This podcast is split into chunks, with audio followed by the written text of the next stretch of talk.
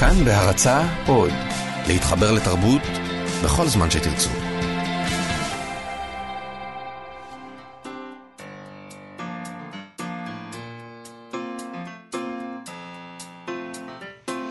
מה שכרוך.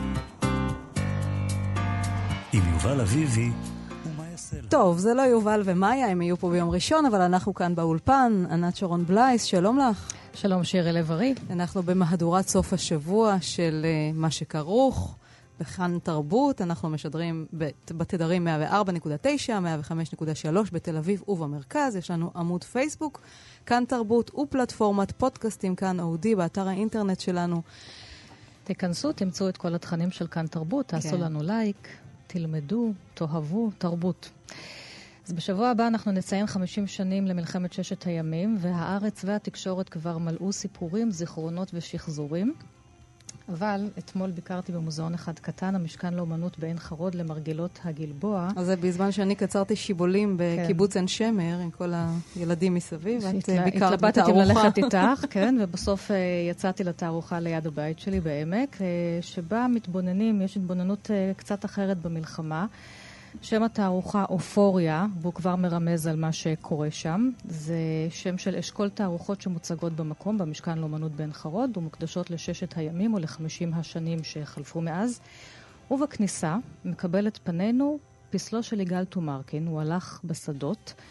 פסל שנעשה אחרי המלחמה, דיוקן ברזל שסוע של אותו אורי יפה הבלורית והתואר, גיבור ספרו של משה שמיר, אלא שהפעם אין בו יופי, ומתוך קרביו החשופים מבצבץ רובה, והוא חרץ לעברי לשון גדולה ואדומה.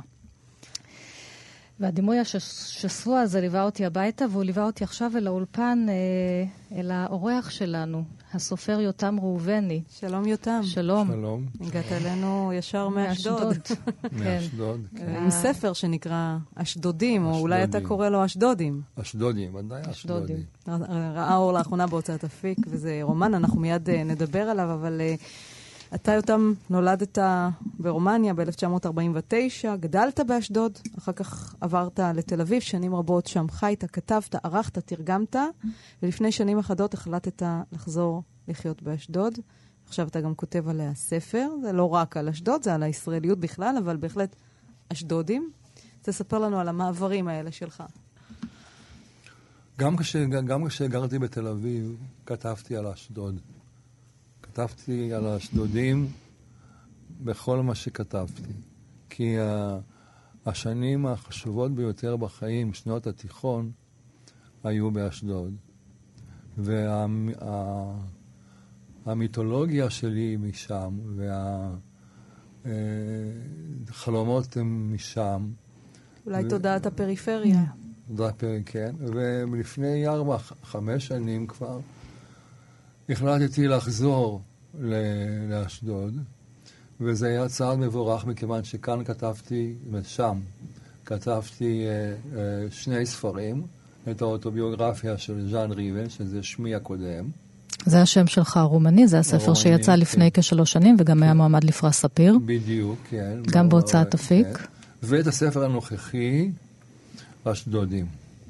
אז שם דיברו על כך שז'אן ריבן ויותם ראובני זה שני צדדים של אותו אדם, שאולי הוא כפול ואולי הוא מפוצל, ופה בספר הזה יש שני גיבורים, רפי האשכנזי ושימי ממוצא ספרדי.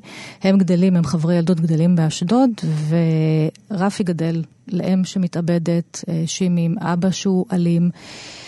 ובמפגש עם הצבא כל אחד בוחר מהם אה, צורת פעולה אחרת עם הצבא, שהוא אותו צבא אגב, ואותה... אותו שירות צבאי שאולי הוא תולדה של ששת הימים, לא אולי, הוא תולדה של ששת הימים. כל אחד מהם בוחר בפעולה קיצונית שמפרידה ביניהם וגם שלחת אפשר, אותם לכלא. אי אפשר לומר ש, ש, שמי בוחר לאנוס ולרצוח. אונס פ, פלסטינאי במבצע בעזה. פלסטינאי בלילה באיזה מין... אה, למה. אתה אומר שהוא לא בוחר? הוא יכול היה שלא לעשות את זה? אה, בעצם כן, את צודקת, הוא יכול היה לבחור שלא, כן? אבל הוא בחר שכן. אבל המילה בחירה כאן היא לא כל כך מתאימה, מפני שאצלו זה היה לא רק במקרה הזה, אלא גם בכל חייו, זה הכל עם מערבולת של תחושות ושל רגשות. הוא לא פועל מהשכל, כן. הוא בחירה שכלתנית, אין לו את זה, הוא בוחר, אם בוחר במרכאות, אבל הולך לפי הקרביים שלו, לפי הרגש. אז יש פה באמת שני, שני גיבורים, כל אחד מייצג דבר אחר בישראליות, בכלל אולי בהוויה אה, הגברית. אז רפי, כמו שענת אמרה קודם, הוא האשכנזי, והוא אדם מיוסר, הוא בזמן השירות שלו בשטחים החליט אה, לסרב פקודה, והוא מסרב לשמור כמילואימניק, כן, על מתנחלים בתהלוכת פורים ברחוב השועדה בקריית ארבע. והוא משלם על זה מחיר. מנגד, כמו שאמרנו קודם, אה, שימי, חבר הילדות שלו, הוא מזרחי ממוצא מרוקאי, הוא איש נדל"ן שחי חיים, אה, אה, איך להגיד, הוללים כאלה, נהנתנים. כן. ו- והוא כאמור אה, רוצה, אונס ורוצח, ושניהם נשלחים למאסר, אבל דווקא העונש של, העונש של רפי הוא כבד יותר. מבחינה, מבחינת הזמן, זה עונשים שווים בספר, וזה מה שיוצר את המתח ביניהם. אבל ה... האיסורים, האיסורים שהולכים איתו. כן, האיסורים. האחד ביקש לראות את הפלסטינאים, השני רצח, ודווקא זה, שביקש לראות אותם, את האחר, את השכן, מתייסר יותר, והפשע שלו איכשהו, העונש שהוא מקבל גדול יותר. וזה גם מוטיב שהולך בספר. איך זה שאנחנו שווים בעונש כשהוא רצח ואני רציתי לתת להם מקום, לפלסטינאים?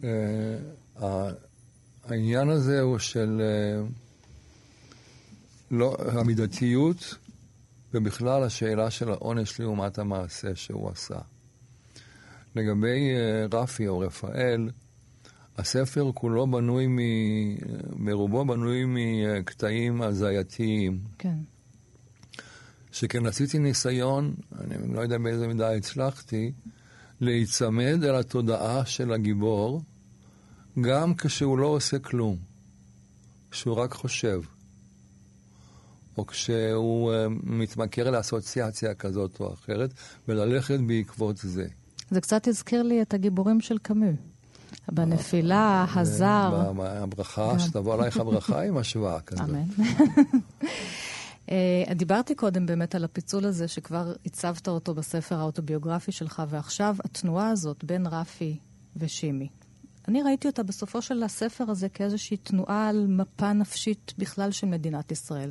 שהם מייצגים, מייצגים את הנפש שלנו. אה, כל אחד מהם מייצג, קודם כל, כל, כל, כל אחד מהם הוא אדם לעצמו עם כל המאפיינים, אבל אי אפשר שלא להיות פוליטיקן בארץ. אי אפשר, כל אחד מאיתנו מייצג משהו. ומייצג משהו פוליטי מכיוון שהפוליטיקה וה... וה, uh, הביטחוני כופים עלינו מה שלא נכפה באף מקום אחר בדמוקרטיות המערביות. לכן אנחנו כל הזמן נתונים באיזשהו סיר לחץ ש... של ייצוג. בוא נקרא קצת כן. אולי, כמה שורות מהקטע של רפי בכלא. הקצינים האחרים שהיו אסורים ברובם בגלל שימוש בסמים או עבירות מין ועבירות רכוש, כבר שמעו על רפי, אבל שמרו, שמרו מרחק ממנו, כאילו נזהרו שלא להידבק במחלה קשה. זה התאים לו. לא היה לו חשק קרב לדבר. אחרי האוכל טייל קצת בחצר, וכשנעשה קר, חזר לחדרו. שוב עמד מול החלון ורעד ניכר בו. תחושה עמומה של בדידות שאין לשאתה. מר היה לו בפה. פתאום החדר, הכלא, המשפט שיהיה, הכל היה מאוס בעיניו, מיותר, כמעט ילדותי. מה הוא חשב שהוא עושה? איש אחד, כמעט בן ארבעים, ישנה את המציאות? מה הוא רוצה להיות? מהפכן? להציב ראי? בפני מי? הוא נשכב במיטה. השעה הייתה שמונה בערב, אבל הוא הרגיש כאילו כבר הרבה אחרי חצות. הוא מצא את השלט, הנמיך את הקול של הטלוויזיה והתחיל לקרוא באחד הספרים שיחזקאל הביא, גן השבילים המפוצלים של בורכס. הוא קרא עד שתחושת עושר הציפה אותו ונרדם. בורכס תמיד היטיב איתו. אם דיברנו קודם על, uh, על זרם תודעה ועל חלומיות, אז uh, uh, רפאל שואב אותה מהספרים שהוא קורא. הוא קורא כל הזמן אותם ספרים שוב ושוב. ובורכס הוא מין uh, חבר אה, קבוע שלו, ומכאן גם הנטייה שלו אחרי הזיות והפלגות. למשל, הוא מאוד מתעניין במאפנטים, אז יש לו הזיה א' שהוא מאפנט בעצמו, ושכל המאפנטים החשובים שהיו בהיסטוריה הם באים לבקר אצלו, שהוא הולך לבקר אצלם, והוא מכיר אותם, והוא קורא עליהם כל הזמן. אתה, יותם, לפני כמה זמן בריאיון אמרת, ואני שואלת אותך אפרופו הגיבור שלך, רפי, כן? שאתה מרגיש מיעוט נרדף, אשכנזי, אולי אה, שמאלן, עם מצפון מיוסר, קצת כמו רפי בספר, אבל את הדמות של רפי, בסוף, אני לא רוצה לעשות יותר מדי ספוילרים, אבל אתה מעלים כאילו אין לו יותר מקום במציאות הזאת. זה נכון, הוא... בואי נדבר בגלוי גלויות. הרוב בארץ הוא רוב מזרחי. מאיזו בחינה רוב? מספרית? מספרית, או, מספרית. או... הרוב מספרית הוא רוב מזרחי. Mm. בתרבות והטענות שלהם בקשר לזה שאין להם ייצוג תרבותי, הן לא נכונות מפני שאף אחד לא מפריע לאף אחד להיות משורר. ואילו האשכנזים הם מיעוט הולך ו- ונעלם. למשל, אני אספר לכם שהבנים של אחי, אחי שהוא אשכנזי כמוני, אבל נשוי למרוקאית, רואים את עצמם כמרוקאים. אז אולי זה... יש כאן תיקון תרבותי, כי הם טוענים כי... שהייתה, שהיה לא היה ייצוג. זאת אומרת, אולי הם רוב מספרית, אבל תרבותית... תרבותית, מי מפריע להם להיות משוררים ולעבוד ברדיו? זה משהו אחד אה, לשבת בבית לכתוב, או לנסות לעשות תוכניות רדיו, ומשהו אחר שמישהו בתוך האליטה לוקח אותך, מפרסם אותך, נותן לך ש... עבודה. בדיוק כמו שאת אומרת, איפה הסופרים שלהם, אם יש, אם יש להם סופרים? כמו שאמר חנוך לוין, אם את פסנתרנית, הוא שאל את עזריה הרפאי, איפה הפסנתר שלך? אם יש להם איזה תעצומות נפש, תעצומות רוח עלומות, בבקשה, אתה, ש... אתה אומר שיראו שאין, לנו. אתה אומר שאין, כי יש טענה הפוכה שאומרת שיש, ופשוט לא נותנים לזה מקום. מה שיש, מה שיש זה מה שמוצג לעינינו, למה שאנחנו יודעים. הסופרים שאנחנו מכירים, המשוררים שאנחנו מכירים. מה שאין, מי יודע מה, מה, מה אין. מעניין כן. כי אתה דווקא כן מייצג תודעה פריפריאלית, דיברנו על זה קצת uh, קודם. אתה... יש לך אפילו את התדמית הזאת של ה... אאוטסיידר גם בתוך הקהילה הספרותית, גם בתוך הקהילה הלהט"בית, עם הרבה ביקורת שאתה מותח על חיים בורגניים וכולי של, של אה, להט"בים. אמ, אבל עכשיו, דווקא בשנים האחרונות, אתה זוכה ליותר ויותר הכרה או התקבלות בתוך המרכז. זאת אומרת, אה, פרס לנדאו לשירה, אה, האוטוביוגרפיה של ז'אן ריבן הייתה מועמדת, הספר היה מועמד לפרס ספיר.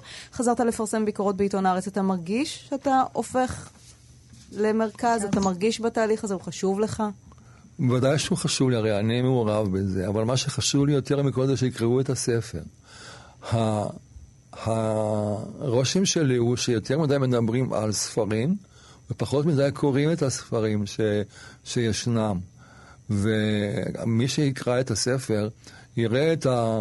את הקונצרט הזה בין השניים, בין, בין איש המזרח ואיש המערב, שכל אחד מנסה בכל כוחו להתקרב אל השני. ולהיות... כן, יש איזושהי תהום שמפרידה כן, ביניהם. כן, תהום. תהום. שמפרידה, אבל בדיוק. כל הזמן הם הוזים אחד את השני, הם מתגעגעים כן. אחד אל השני, הם, כל אחד מנסח את הזהות שלו מול השני. כן. וזה לא מובן מדוע, מכיוון שלכאורה הם חיים באשדוד, בעיר פלורליסטית, בעיר חילונית, בעיר שמאפשרת את זה. אבל לא, הקו, קו פרשת המים הזה בין המזרח והמערב עומד וחוצץ ביניהם. מה זו אשדוד הזאת שלך? זאת אומרת, אני, לפעמים כשאני אומרים אשדוד, אני נזכרת גם באשדוד של עמוס עוז, בפה ושם בארץ ישראל, ששם זו הייתה עיר של עמל עם תקווה.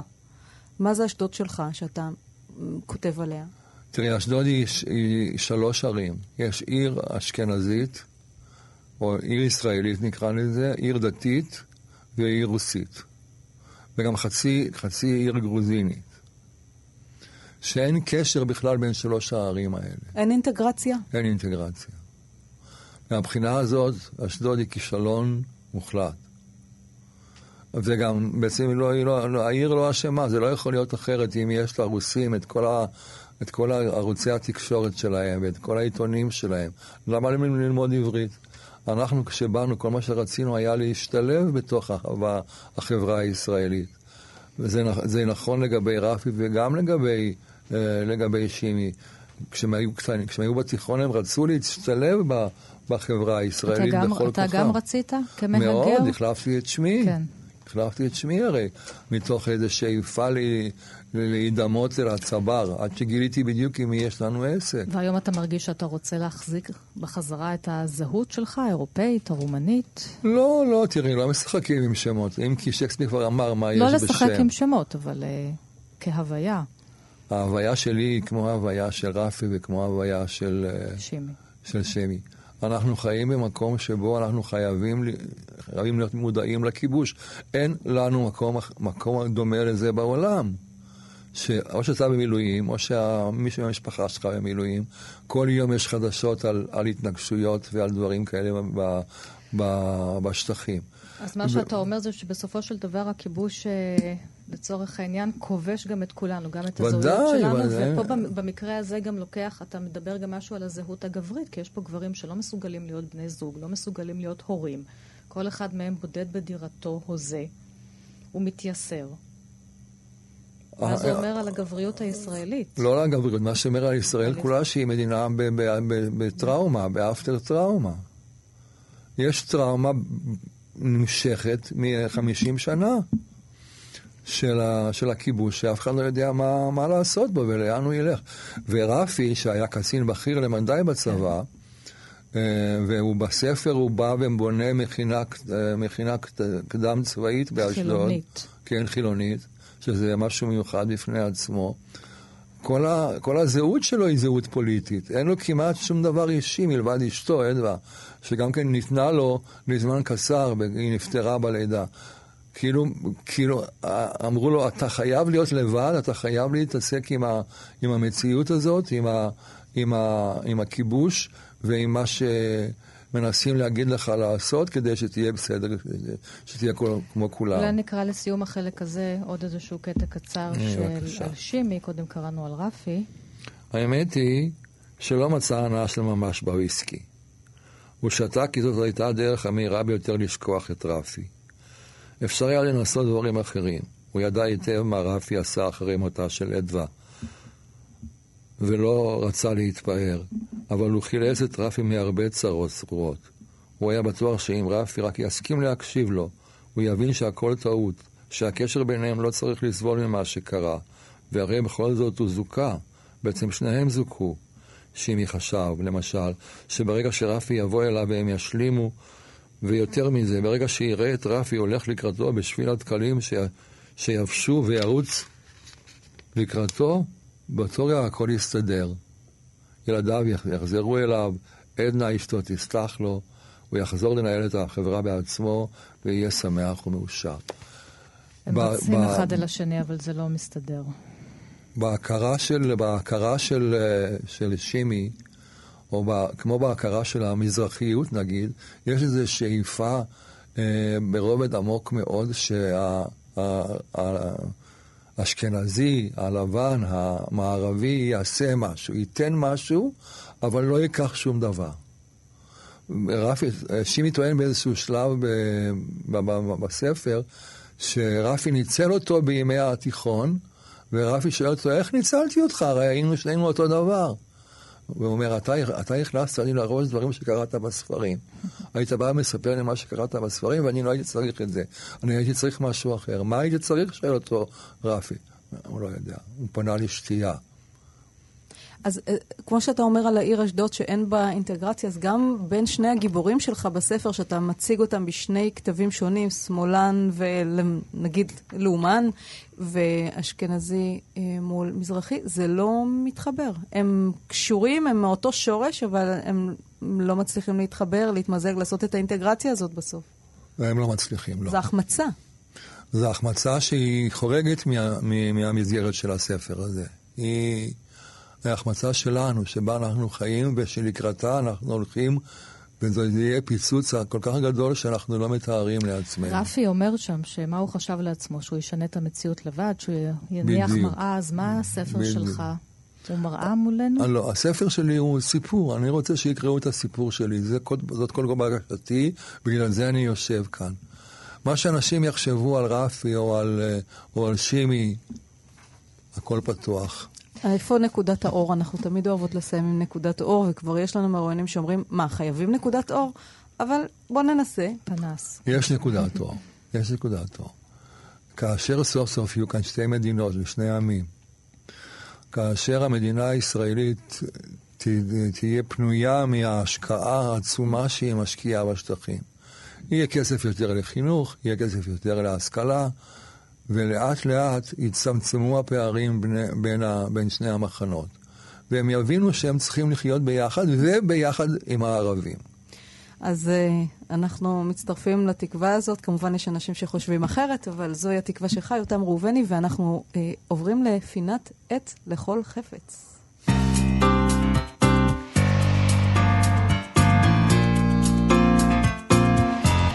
אז בפינה הזאת, האורחים המרואיינים שלנו מביאים איתם חפץ שיש מאחוריו סיפור. מה הבאת לנו הפעם? תראו בעצמכם מה זה. אנחנו ברדיו, אנחנו כן. ברדיו, רואים את הקולות. כן. זה ברווז בר- קטן. ברווז זה עץ קטן, חום, וחבוט, בגודל פחות אפילו מאגרוף של כף יד. כן, שקניתי אותו בחנות קטנה ברחוב דביוסי בפריז.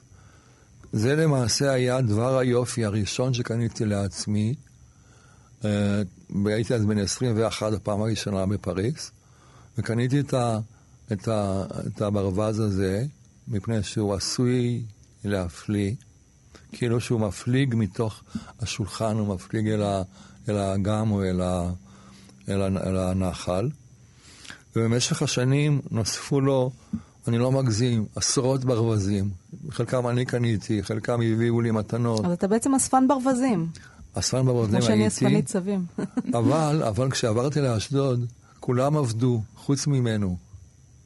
כשחזרת בחזרה מתל אביב לאשדוד. לא, אז. הוא מ- הוא שרד את המעבר. הוא, ש... הוא שרד את המעבר, ויום אחד אני גיליתי, אפילו לא ידעתי שהוא ישנו, גיליתי אותו מסתתר בין הספרים באיזשהו מקום, ואמרתי, זה היה צריך להיות מההתחלה רק אתה, ועכשיו אתה, רק, רק אתה תהיה, ולא צריך ברווזים נוספים. ולסיום, שיר שאתה בחרת, עמליה רודריגז. בוא נמור. למה אתה אוהב את השיר הזה? איך אפשר לא לאהוב את עמליה רודריגז שרה את רנחואז, בוא נמור. השיר, שיר האהבה הנפלא הזה אל האהוב שכבר איננו. יותם ראובני, אשדודים, ספר חדש בהוצאת אפיק. תודה רבה לך על הרעיון הזה. תודה רבה. ועכשיו, מהעיר הקטנה אשדוד, שבה משוטטים מיוסרים שני החברים, נלך למקום רחוק רחוק בעל איסורים מסוג אחר, לעולמה של ג'יין אוסטין, שהשנה מציינים 200 למותה, וכעת מופיע תרגום חדש לרומן מנסוויל פארק, מעשה ידיה של לי עברון. בואו נשמע קצת אנגלית בריטית שניכנס לאווירה. Here is my proposal. We must persuade Henry to marry Maria. After a respectable period, Edmund and I will accept Mariah and Henry into our acquaintance and household. אה, אחרי שטעמנו קצת מהמבטא הבריטי הזה, נאמר שלום לשני אורחינו באולפן, אה, המו"ל והמתרגם והעורך שי סנדיק, ומאיה קרפטרי, נשיאת מועדון ג'יין אוסטין בישראל. אז תכף נשמע מה זה אומר להיות נשיאת מועדון וכולי. שלום לשניכם. שלום, בוקר טוב. אז אה, לפני ש... שמענו קצת מהתככים האלה של ג'יין אוסטין, איך הם כל הזמן מסדרים את המשפחה הזאת, תלך לפה, זה יבוא לשם, זה יתחתן עם זה, זה יירש מזה. בהחלט. אז אני אשאל אתכם רגע, איך יכול להיות שסיפור. על נשים צעירות בסוף המאה ה-18 שמתקשות למצוא שידוך, עדיין רלוונטי להיום? הרי זה, זה, אלה הספרים של ג'יין אוסטין. מה הכוח שלה? אז הכוח שלה היא שבסופו של דבר, מעבר למלמלות ולחליפות ולגינונים, היא מדברת על בני אדם, ועל בני אדם שאנחנו מכירים, על השכן ממול, ועל הדודה, ועל החברה הכי טובה שלנו. כי בני אדם לא משתנים. וג'יין אוסטן היה לה את הגאונות, גם כבר לפני 200 שנה, לפצח את נפש האדם ומה היא עוברת. ואת כל התופעות החברתיות הקטנות וההפרעות אישיות הקטנות כגדולות שאנחנו רואים אצל האנשים הכי קרובים לנו, ג'יין אוסטין כבר פענחה ב- את הצופן הזה ברומנים שלה. ולכן כשאנחנו קוראים אותם, אז למרות מרחק התקופה והשנים והאלפי מיילים או קילומטרים שמפרידים בין אה, לונדון אה, לתל אביב, עדיין אנחנו רואים את האנשים הכי קרובים אלינו, רואים את עצמנו. וכל קורא בכל דור ודור אה, מוצא את עצמו ברומנים של אוסטין בגלל הכוח הזה שלה לפצח את נפש האדם. בכל דור ודור אני מוכרחה להגיד שאתמול גם לי הייתה איזושהי תסבוכת משפחתית שהתפצלה לכל מיני ישויות שכל אחד אמר ככה ונעשה ככה כדי לסדר, ואמרתי, או, זה בדיוק ג'יין אוסטין, נכון. איפה היא כשצריך אותה? אבל זה בהחלט רומן מבדר ומהנה, אם כי הפעם הוא הרומן קצת יותר מורכב ונוגה שלה כן, מאחרים. מנספילד פארק נ- נ- נחשב פחות עליז. אה, נכון. אבל דקה קודם, כן רציתי להוסיף לדברים של שי, זה לא רק שהיא מדברת על דברים שאנחנו מכירים, היא גם עושה את זה בשונה אולי מספרות תקופתה, בלי כל הדרמות והיפוי. כלומר, בשונה אולי אה, מהברונטס, שאני גם אוהבת מאוד, בכל זאת, שם הכל דרמטי ואולי קצת מרגיש לנו פחות, תקופ... אה, פחות יותר תקופתי, פחות רלוונטי לימינו. היא מספרת את הדברים לכאורה כפי שהם, והם לא השתנו כפי שהם. אומרת, זה בעצם התחיל כפרודיה על הרומן הסנטימנטלי של התקופה. בהחלט. כן, גם רומנים גותיים, גם רומנים עם. הרבה התפרצויות של רגש והתעלפויות, וזה יש והנשים רפרנסים. המשוגעות שנמצאות אצל האחיות ברונטה. יש לה הרבה רפרנסים במהלך הספרים, כשקוראים ככה יותר לעומק, כשמזהים אה, את הבדיחה קצת על הגותיות וקצת על הדרמטיות. ו... קצת יורשת של סרבנטס שעשה נגיד פרודיה על סיפורי אבירים, אז באה פה אישה וכותבת רומן בתוך מסגרת ריאליסטית, עם פרודיה על הרומנים הפופולריים של התקופה, אבל כמובן הרבה יותר מתוחכם והרבה יותר חכם. היא גם צוחקת על דמויות שלא צוחקים עליהן בדרך כלל, היא צוחקת על כמרים, אבא של הכומר, זה לא מובן מאליו. צוחקת על השירים ועל ההוד וההדר שלהם, זה לא מובן מאליו. ובתוך זה שזורה ביקורת חברתית מאוד גדולה, בעיקר בכל הנושא של הירושה. נשים בכלל לא יורשות, והגברים גם, רק הגבר הבכור, הגברים האחרים לא, ומפה והלאה מתחילים כל השידוכים הבלתי אפשריים האלה. זאת אומרת, זה עולם שאמור להיות עולם ללא אהבה, והיא מתעקשת למצוא לכל אחד את האהבה שלו. כאשר תפקידה של האישה הספרים. זה למצוא שידוך, זה תפקידה כן. של האישה. כי- כי, אחר, כי זאת אומרת, זו הדרך היחידה שלה בעצם להתקיים. כן. כן. היא לא יכולה לעבוד, היא לא יכולה רק לפתח. לפתח את עצמה. היא צריכה לעשות uh, עסקת חייה, מה שנקרא. אחרת uh, היא בעצם, היא תזכה לגורל שאוסטן עצמו זכתה לו, אלמלא היצירה הספרותית שלה. היא תהיה תלויה בחסדי אחרים, בני משפחה, או אם לא קרובים אחרים. Uh, היא תנדוד מבית לבית, uh, בלי שום יציבות כלכלית, עד שיבוא השידוך, אם יבוא. במקרה של אוסטן זה לא קרה. שזה גם מה שקורה בספר הזה, אולי כן. קצת על הדמויות. אז באמת אה, נדבר קצת על מנספילד פארק, שהוא באמת, כמו שאמרנו קודם, נחשב קצת פחות עליז, ויש לנו פה גיבורה, ילדה, בת עשר, שנשלחת, היא גדלה במשפחה ענייה, והיא נשלחת אל הדוד והדודה העשירים, ושם היא פוגשת את, הבני, את בני הדודים שלה, ואחד מהם הוא בחור יחסית עדין וטוב, אדמונד, ואיתו היא מתיידדת, בהמשך זה הופך להיות רגש עמוק יותר, רגש של אהבה. ואז באים אה, שני אה, קרובי משפחה רחוקים ומכניסים קצת אה, אינטריגות לתוך הסיפור קרופורד, הזה, כן. אה, מרי קרופורד והנרי קרופורד. אה, אבל באמת מזכירים אה, לפאני, הגיבורה שלנו, כל הזמן מי היא ומאיפה היא באה. זאת אומרת, המעמד שלה כל הזמן עולה וצף, שתדע לשמור על מקומה. כן. מדגישים לה כל הזמן שהיא צריכה להיות אסירת תודה, שהיא, שזה לא מובן מאליו, וכל, ובעיקר הדודה האיומה אה, נוריס מזכירה לה את מקומה כל הזמן, ושלא תחשוב שיש לה איזה חלק עם אה, בני המשפחה המקורית, העשירים, המאורגנים, אבל זה היופי שבכל המשחק הזה שאוסטין עושה, שבעצם פאני בסופו של דבר היא המגדלור המוסרי, היא זו שהיא שומרת על, הערכים שהמשפחה מתיימרת אה, אה, לייצג. למשל, מה? למ- מה למשל, מידותיה ב- הטובות? אה, למשל, כשכל, כשאותם אחים קרופורד אה, מגיעים לבית ובעצם אה, טורפים את הקלפים אה, מבחינה, אה, ולוקחים את בני הבית למקומות שאולי אב המשפחה לא היה כל כך מרוצה מהם, אה, פאני היא זאת שתמיד שומרת על, ה, על העקרונות שלה, גם אם שהמחירים הם מאוד כבדים. היא מקבלת הצעת נישואים שבואי נגיד היא, בני המשפחה אומרים לה, זה הצעה של פעם בחיים, זה, זכית בלוטו, ואם לא תקחי אותה היא כפויה טובה, אבל פאני פרייס יש לה את היכולת אה, לעמוד על הערכים שלה ולהגיד, לא, אני לא יכולה לקחת את זה. הבחור הזה, הנרי קרופורד, לא מוצא חן בעיניה, היא חושבת שהוא היא- תחמן היא- וערמומי. לא מוסרי, היא כן? עומדת על טיבו בניגוד לכל השאר. כולם הולכים שולל אחרי המניפולציה, כולם הולכים שולל אחרי הכריזמה והקסם האישי שלו. ופאני פרייס, היא, היא, אולי בגלל זה אוסטן עשתה אותה כל כך צדקנית, כל כך מושלמת ומרגיזה לפעמים, אבל היא בעצם היחידה, דווקא האאוטסיידרית, שהיא ה- בעצם רואה באמת מה קורה במנספילד פארק, וכל השאר בעצם משחקים משחק, והיא היחידה שהיא נאמנה לעצמה ולערכים. היא עכשיו מבקרת לא- את ה- את העבדות, יש איזו ביקורת אה, שלא נכון. מופיעה בספרים אחרים, שהיא מאוד אה, אקטואלית. באופן כללי, אוסטן משתדלת להיות מאוד לא אקטואלית, כמעט לא מתייחסת למאורעות, אה, אנחנו הרבה מדברים על זה במועדון, כאילו על זמני, כאילו לא קורית מהפכה בצרפת וכו', פתאום כאן סחר רפרנס אה, העבדים. לסחר העבדים, כשפאני, שהיא לא אוהב, היא לא היא שפחה בבית, אבל היא בפירוש מבצעת יותר חלק מעבודות סוג הבית. של משרתת. היא כן. חצי משרתת, מעמד ביניים קצת מאומנת, שהמאומנות היו.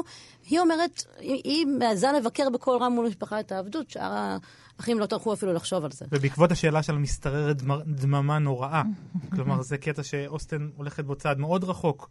אה, כלומר, היא שואלת, פאני פרייס שואלת דוד שלה לגבי סחר העבדים, שכל מנספילד פארק, כל ההון המשפחתי בעצם קיים עליו, ואין תשובה. והיעדר תשובה זו מהדהד. אז זהו, עד כמה אוסטן היא באמת סופרת פוליטית? את אומרת, מאיה, שהיא בכלל לא נגעה במאורעות התקופה, אה, ונראה לי שהחוקרים של אה, אוסטן חלוקים בדעותיהם, האם היא פמיניסטית או שהיא שומרת על הסדר החברתי הקיים? היא מבקרת אותו או שהיא מנציחה אותו כי בסוף הנשים שלה מוצאות את השידוך ההולם שלהן, רצוי גם עם אהבה?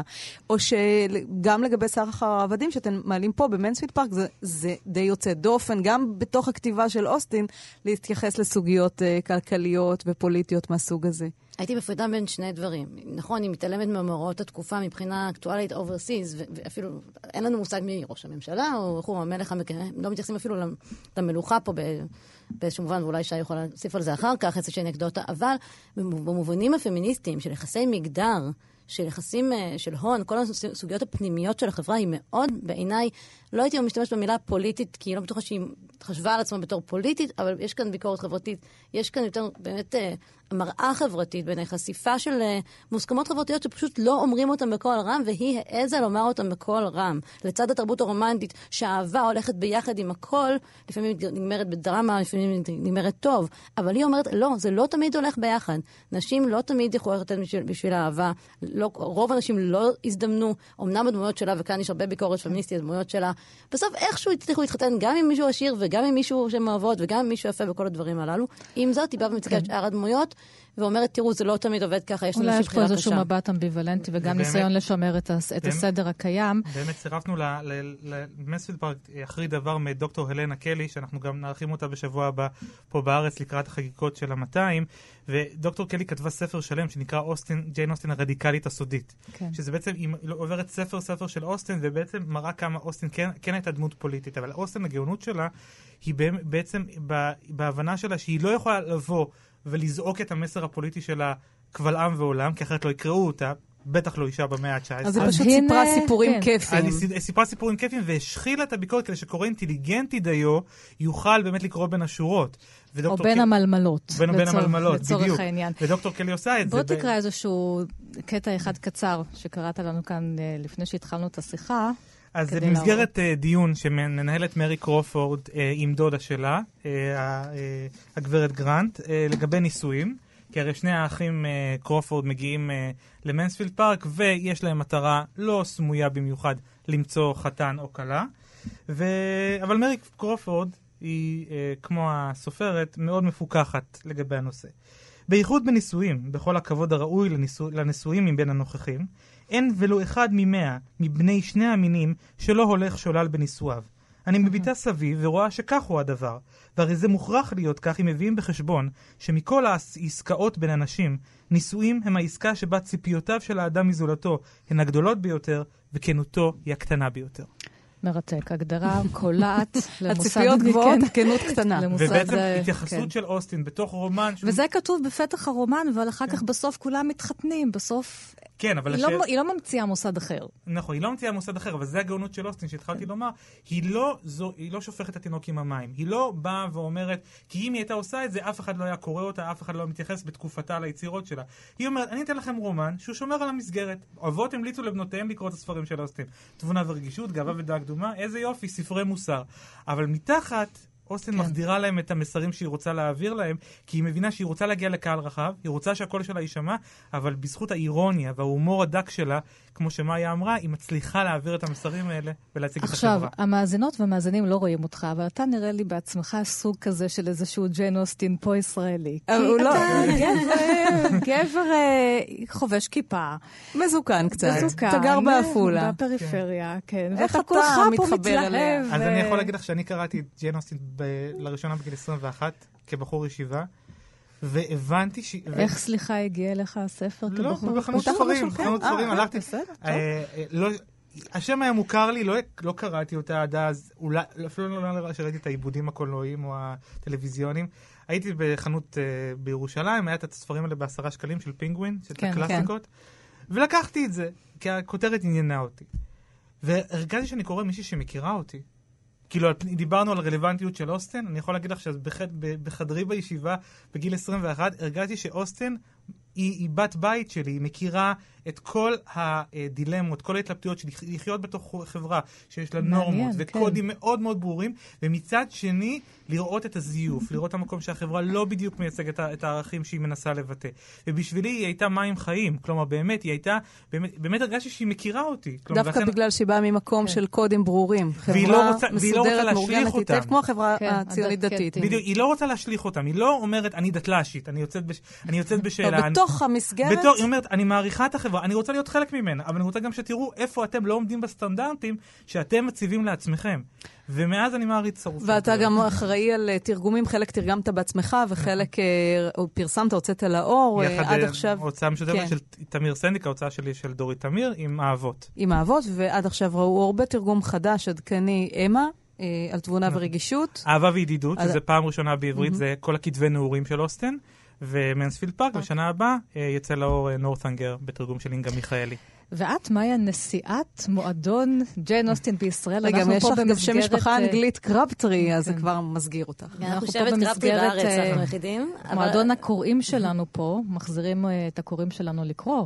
ג'יין לתקן, אוסטין. מה זה מועדון? אנחנו לא אה, נבחרתי להיות נשיאה, אנחנו, אה, זה, מעולם עשינו בחירות, אנחנו מאוד לא פורמליים, יש צוות אה, מארגן. כמה אנשים אתם מאוד במועדון? רחב אה, של הרבה אנשים שעובדים ביחד, אז ככה... וזה כמו בסרטים. לאהוב את ג'יין אוסטין? ממש? לא כמו בסרטים. אנחנו ממש מדברים על הספרים ולא רק על, לא חיינו הפרטיים. בין היתר גם. האמת שזו הייתה התארגנות ממש אד-הוקית. אני התאהבתי בג'יין אוסטן בגיל 15. בשונה משי, דווקא זה היה אצלי בבית, אבל לא קראתי ולא התחברתי ולא הבנתי מה העניין, ומרגע שקראתי, לא הבנתי, לא הבנתי איך לא קראתי את זה קודם, איך לא התחברתי לזה קודם. היא ממש תיארה בדיוק הפוך מה, מה שאמרתי לכם קודם, מהדרמות, כל הזמן חינכו אותנו, ועד היום, לכן זה כל כך רלוונטי, עד היום מחנכים אותנו הסרטים, שיגיע האביר על הסוס הלבן, וזו משאת נפשנו. והיא באה ומציבה אלטרנטיבה, היא אומרת, קודם כל, מותר לך להגיד לא, והאביר לא מגיע על סוס לבן, ולפעמים הוא לא מגיע על סוס, ולפעמים את מגיעה על סוס, והכל בסדר.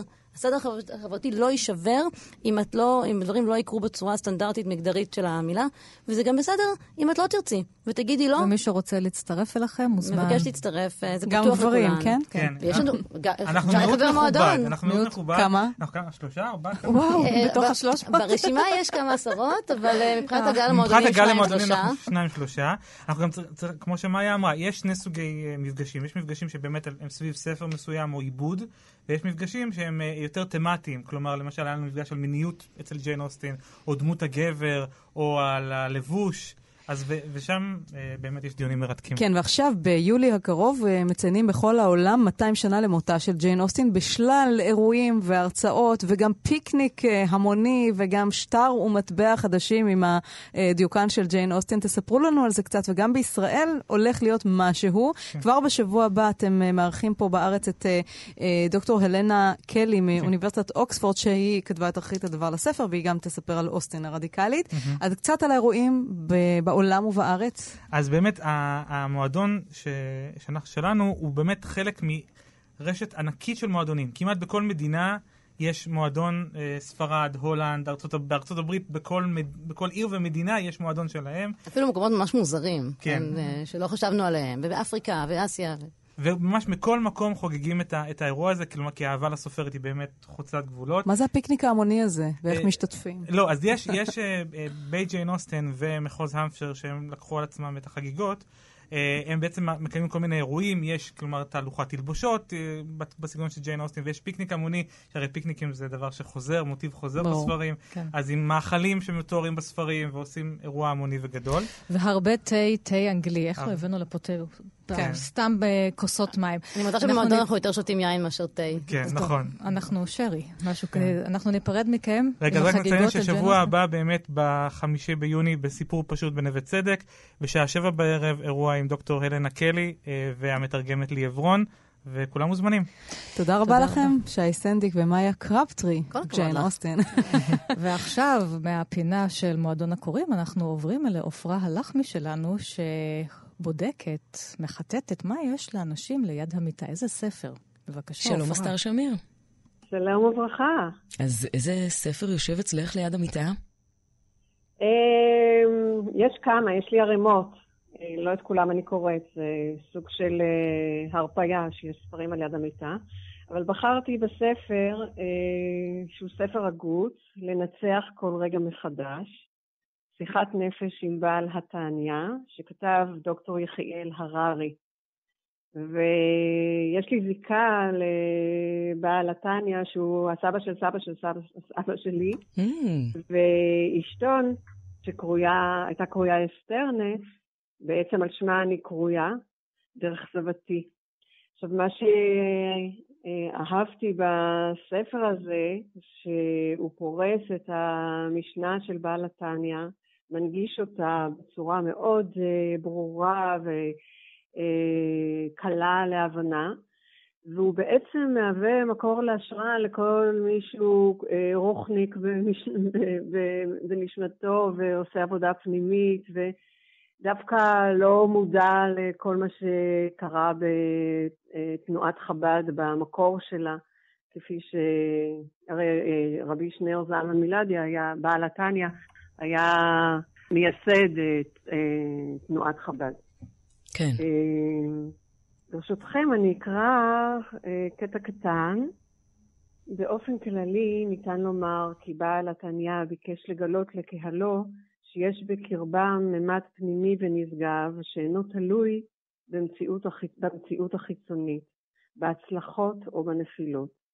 ממד שאינו מייצג חיסרון, פירוד והיעדר, אלא שלמות, יציבות ואחדות. ממד זה, לשיטתו, עליהם ללמוד כיצד לגלות במציאות, כלומר במעשיהם, בדבריהם ובמחשבותיהם. את אותו ממד אפשר לכנות כעצם הנפש או אני הפנימי, אני שאין לבלבלו עם האני האגוצנטרי. אז אה, נספר שבימים אלה יוצא בשעה טובה האלבום השביעי שלך, הלילה שבו ניצחה אהבה. אסתר שמיר, תודה רבה. תודה רבה לכם, להתראות.